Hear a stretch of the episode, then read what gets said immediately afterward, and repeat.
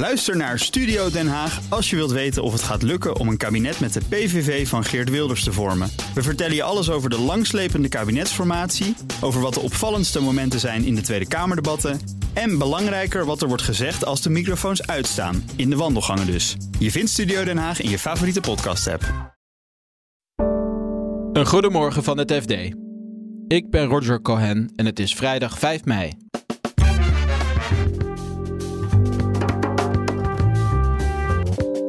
Investeerders hebben hun pijlen gericht op de zorg. Maar uh, ze zitten van uh, zelfstandige behandelcentra, dus wat je ook wel private klinieken noemt. Uh, ze zitten bij de tandartsen, in de fysiotherapie, arbodiensten, ze doen van alles. Vooral beleggers profiteren van de miljardenwinst van Shell. Dus 10 miljard winst gemaakt, 6 miljard gaat gewoon terug naar aandeelhouders. Dus dat is echt heel fors. En er is een strijd gaande over wie de eredivisie mag uitzenden. Er wordt in de wandelgangen gezegd dat Ajax en Feyenoord hun twijfels hebben bij het bod van ESPN. Dit is de dagkoers van het FD. De fysiotherapeut, de tandarts en de huisarts komen steeds vaker in handen van investeerders. Maar toezicht op de overnames is beperkt. Zorgredacteur Maarten van Pol heeft inzicht in welke overnames er de laatste jaren zijn gedaan. Nou, als ik heel eerlijk ben, heeft iemand anders het onderzoek gedaan. Uh, namelijk een heleboel data bij elkaar gebracht. Uh, dat is een adviesbureau dat JBR heet. We wilden dat zelf gaan doen. En toen kwam ik er net op tijd achter dat uh, zij dit al deden. en zij hebben hun, hun data gedeeld. en zo hebben we dat onderzoek kunnen doen. En wat viel jullie op? Nou, eigenlijk het voornaamste. De, het is al wel bekend dat private equity een, uh, actief is in de Nederlandse zorg. Dat ze veel geld erin steken. Um, maar uh, een heleboel van de overnames die ze doen, die blijven een beetje onder de radar. En op basis van de data die we nu hebben uh, gezien, kan je wel wat zeggen over hoeveel kleinere overnames ze doen. En dat zijn er de laatste twee jaar waren dat zo'n 100 per jaar. En in de afgelopen vier jaar 350 in totaal. En dat is ongeveer de helft van alle overnames in de zorg. En in alle categorieën, toch? Ja, ze zitten op heel veel plekken. Ja, de private equity heeft geen ziekenhuis gekocht of zo. Maar uh, ze zitten van uh, zelfstandige behandelcentra, dus wat je ook wel private klinieken noemt. Uh, ze zitten bij in de tandartsen, in de fysiotherapie, arbodiensten, ze doen van alles. En blijven ze nou onder de radar omdat het vaak dus om die kleinere overnames gaat? Ja, het zijn wat kleinere deals, dus daar komt ook geen persbericht over of zo. Dus eigenlijk in relatieve stilte kopen ze steeds één of een paar klinieken op, ja, of vestigingen.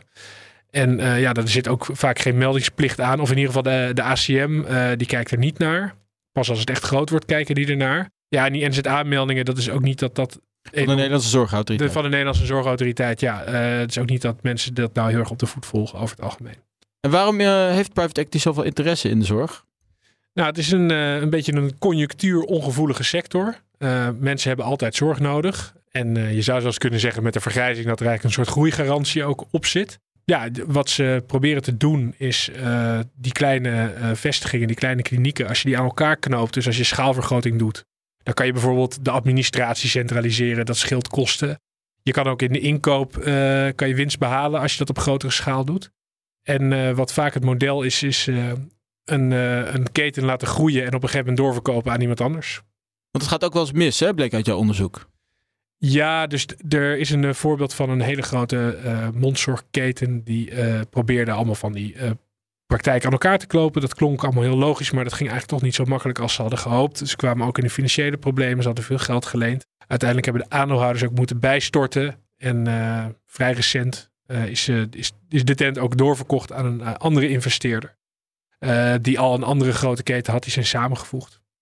Er is wel wat huivering als het gaat om private equity in de zorg. Waar komt die angst vandaan? Ja, die, die huivering uh, die is er wel. Deels ideologisch, denk ik. Uh, er zijn mensen die vinden dat je in de zorg dat er überhaupt geen uh, marktprikkels in zouden moeten zitten. Dus dat is één kant. Ja, wat bijvoorbeeld minister Kuipers erover zegt, is dat hij in principe niet echt tegen, ehm, tegen die, de aanwezigheid van dit soort partijen is in de zorg. Dat zeggen wetenschappers eigenlijk ook wel. Er is niet een soort principieel bezwaar, zien zij. Maar uh, die uh, ketens die moeten wel net als alle andere zorgaanbieders aan allerlei eisen voldoen. Op het gebied van uh, kwaliteit en toegankelijkheid en betaalbaarheid van de zorg.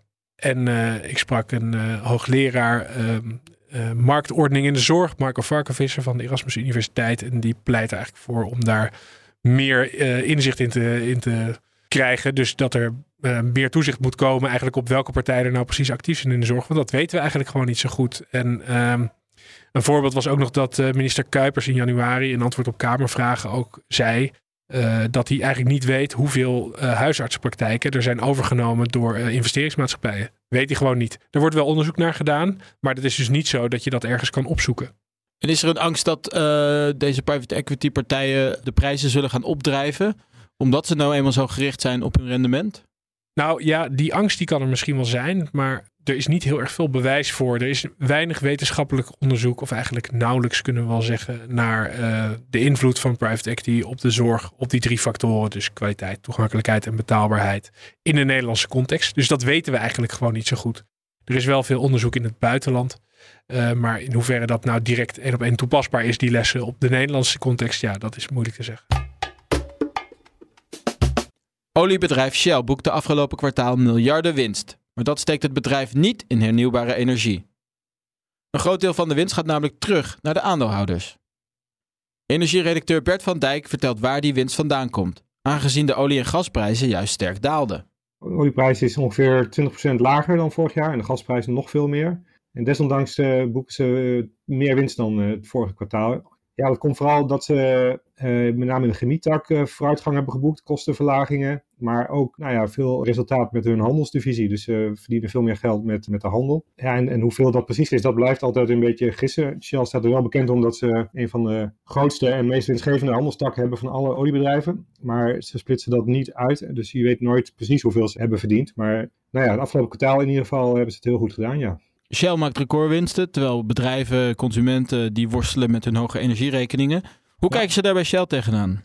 Zij zeggen, kijk, onze rol is, wij zijn een energiebedrijf, wij moeten zo goedkoop en zo betrouwbaar mogelijk energie leveren. Wij leveren dat waar, de, waar dat nodig is. En ja, zij bijvoorbeeld zeggen dat als wij niet uh, heel veel vloeibaar gas zouden hebben geleverd de afgelopen periode aan Engeland bijvoorbeeld, ja, dan kom je daar met tekort, letterlijk gastekorten. Dus zij zien hun rol echt gewoon van wij moeten in hun ogen goedkoop en betrouwbaar mogelijk energie leveren. Omdat ze vinden dat die hoge prijzen die met name consumenten nu hebben, het gevolg zijn van uh, ja, wereldwijde tekorten eigenlijk in het aanbod van energie. Ja, ze zijn ook hun activiteiten wat strakker gaan organiseren, toch? Ja, dat klopt. Ja. Ze noemen dat zelf zeg maar optimalisatie. Dat is een beetje een duur woord. Maar eigenlijk bedoelen ze daarmee dat ze de productie die ze wereldwijd hebben veel beter afstemmen op waar op dat moment ook de vraag is. Dus maar als voorbeeld kun je kijken naar Europa, waar de gasvraag heel hoog was. En hebben ze dus ook meer gas lokaal geproduceerd, waardoor je dus nou ja, minder gas van elders hoeft te halen. Dus ze passen beter de, de vraag en het aanbod, stemmen ze beter af. En daardoor nou ja, kunnen ze kosten besparen en dus meer winst maken.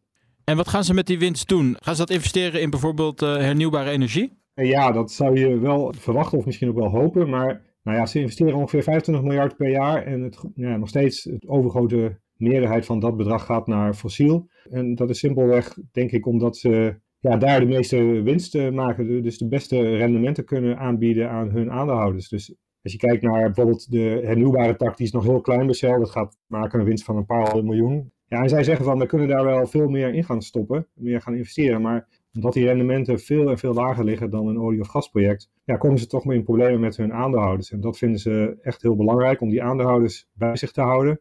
En dat is ook belangrijk voor hen, omdat ze, ja, ze zien zeg maar, dat hun aandeel op de beurs veel minder ja, wordt gewaardeerd vergeleken met hun Amerikaanse collega's, dus Chevron en Exxon. Die zijn veel hoger gewaardeerd en op termijn is dat, ja, kan dat een probleem zijn, omdat je dan kwetsbaar wordt voor bijvoorbeeld een overname. En ja, en aandeelhouders zijn er natuurlijk niet blij mee. Die besteden dat geld liever in een bedrijf dat hogere uh, rendementen geeft op jouw uh, ingelegde dollar. Dus daarom geven ze heel veel geld terug, ook aan aandeelhouders. Dus kijk naar het afgelopen kwartaal bijvoorbeeld, dan hebben ze 10 miljard winst gemaakt, hebben een kaststroom van 14 miljard. Al 6 miljard gaat gewoon uh, terug naar aandeelhouders, dus via dividend en aandeleninkoop. Dus dat is echt heel fors. Er is een strijd gaande over wie in 2025 de voetbalwedstrijden in de eredivisie mag uitzenden. ESPN heeft al een bod liggen, maar er zijn meer kapers op de kust. Redacteur Ahmed Majid vertelt wat ESPN voor de uitzendrechten over heeft. Aanstaande maandag beslissen de clubs of zij akkoord gaan met het bod van ESPN. ESPN heeft uh, 1,5 miljard geboden op de uitzendrechten van de Eredivisie voor de periode 2025-2035. Op dit moment is het zo dat ESPN, uh, wat overigens een dochtermaatschappij is van Disney, ook al de Eredivisie-rechten uitzendt. Dus voor de kijker zou er in dat geval geen enkele verandering plaatsvinden. Maar of de clubs akkoord gaan met het bod is maar de vraag. Want eerder deze maand, of vorige maand moet ik eigenlijk zeggen, kwam er een consortium uh, om de hoek kijken. Die ook interesse toonde in het eredivisie voetbal. Dat consortium bestaat uit KPN, Vodafone Ziggo, Delta en T-Mobile. En zij zeggen meer te willen betalen voor die eredivisierechten. En daarbij zou het gaan om een bedrag van 1,8 miljard. Uh, nu is het zo dat zij aanstaande maandag niet aan tafel zitten bij de clubs. Uh, het is een beetje een ingewikkelde situatie, dus ik zal het proberen zo goed mogelijk uit te leggen. Er is op dit moment sprake van een joint venture tussen Disney en de Eredivisieclubs en de KNVB. De Eredivisieclubs zijn verenigd in de ECV. En aanstaande maandag vindt er een vergadering van vennoten plaats, waarin er dus gesproken wordt over het bod van Disney. Dat is dus ESPN.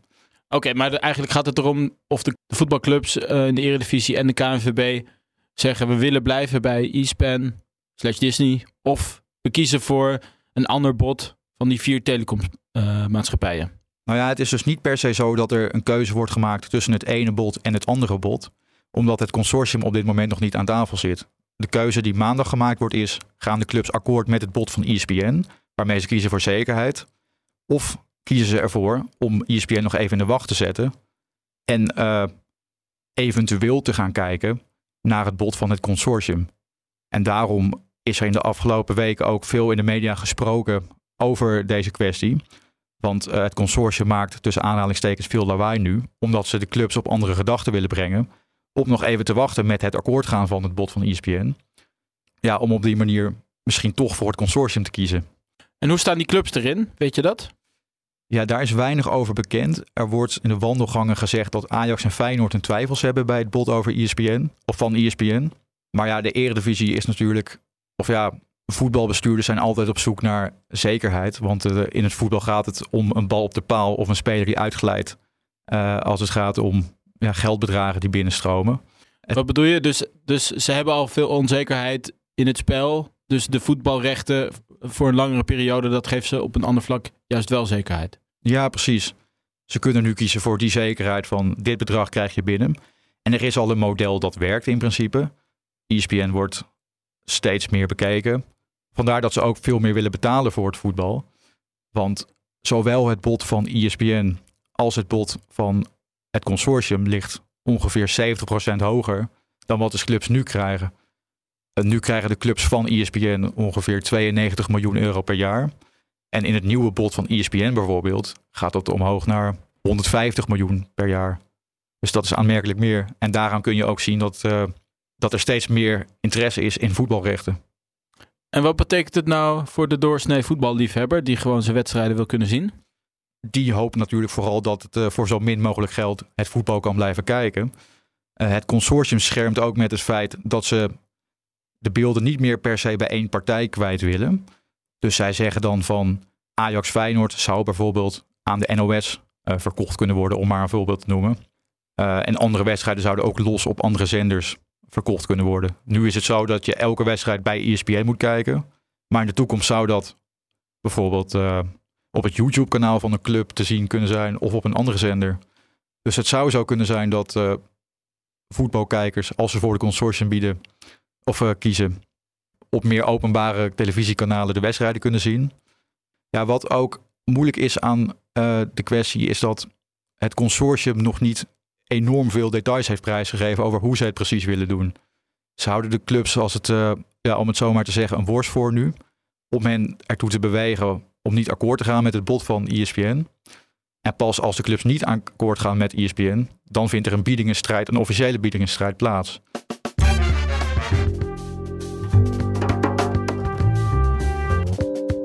Dit was de dagkoers van het FD. Maandag zijn we er weer met een nieuwe aflevering. Morgen kun je luisteren naar onze weekendpodcast De Week Voorbij. Deze keer over de kroning van koning Charles. En om onze podcasts nog beter te maken, horen we graag van jullie. In de show notes vind je een link naar ons luisteronderzoek. We hopen dat jullie die willen invullen. Onder de deelnemers wordt een prijs verloot. Voor nu, een hele fijne dag en graag tot maandag.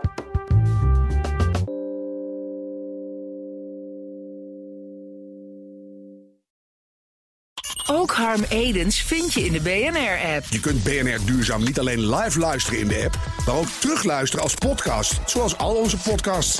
En naast dat de BNR-app Breaking News meldt, houden we je ook op de hoogte van het laatste zakelijke nieuws. Download nu de gratis BNR-app en blijf scherp.